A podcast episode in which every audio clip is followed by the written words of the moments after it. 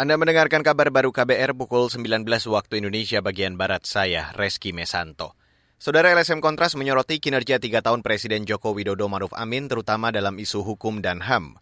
Koordinator Kontras Fatia Maulidianti menyebut pemerintahan Jokowi Amin telah keluar jalur. Ia mencontohkan terkait kinerja pemerintah penyelesaian kasus pelanggaran HAM berat. Salah satunya adalah dengan pembentukan PPHAM dan juga bagaimana sebetulnya kita melihat penyelesaian pelanggaran HAM berat di Paniai yang itu tidak terlalu baik dikarenakan hanya ada satu tersangka saja yang di mana dalam pelanggaran HAM berat tentu saja itu sangat ambigu Koordinator Kontras Fatia Maulidianti juga menilai janji Jokowi untuk mereformasi Polri gagal terrealisasi.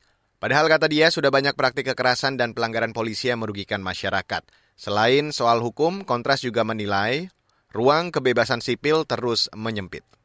Beralih ke berita selanjutnya, Saudara. Menteri Koordinator Bidang Politik, Hukum, dan Keamanan atau Menko Poluka Mahfud MD mendorong Polri dan Persatuan Sepak Bola Seluruh Indonesia atau PSSI bertanggung jawab atas tragedi Kanjuruhan.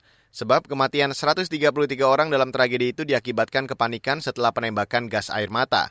Berikut penjelasan Mahfud yang juga Ketua Tim Gabungan Independen Pencari Fakta atau TGIPF. Kesimpulan yang tegas, satu PSSI wajib bertanggung jawab. Itu kesimpulan nomor satu. Kesimpulan kedua, kematian massal sebanyak 132 orang ketika itu, itu disebabkan oleh karena gas air mata penembakan gas air mata. Mungkin gas air matanya sendiri tidak menyebabkan kematian langsung. Tetapi penyemprotan ke tempat-tempat tertentu menyebabkan orang panik, nafasnya sesak, lalu lari ke tempat yang sama, disak-disakan mati. Jadi penyebabnya ya gas air mata.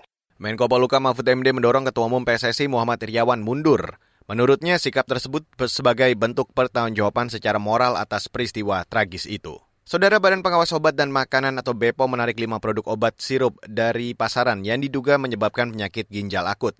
Lima produk itu mengandung cemaran etilen glikol atau EG dan dietilen glikol atau DEG yang melampaui ambas ambang batas aman.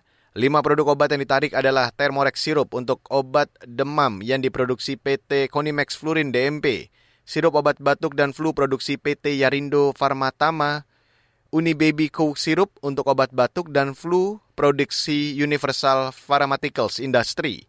Kemudian Unibaby Demam Syrup obat demam produksi Universal Pharmaceutical Industry dan Unibaby Demam Drops obat demam produksi Universal Pharmaceutical Industry.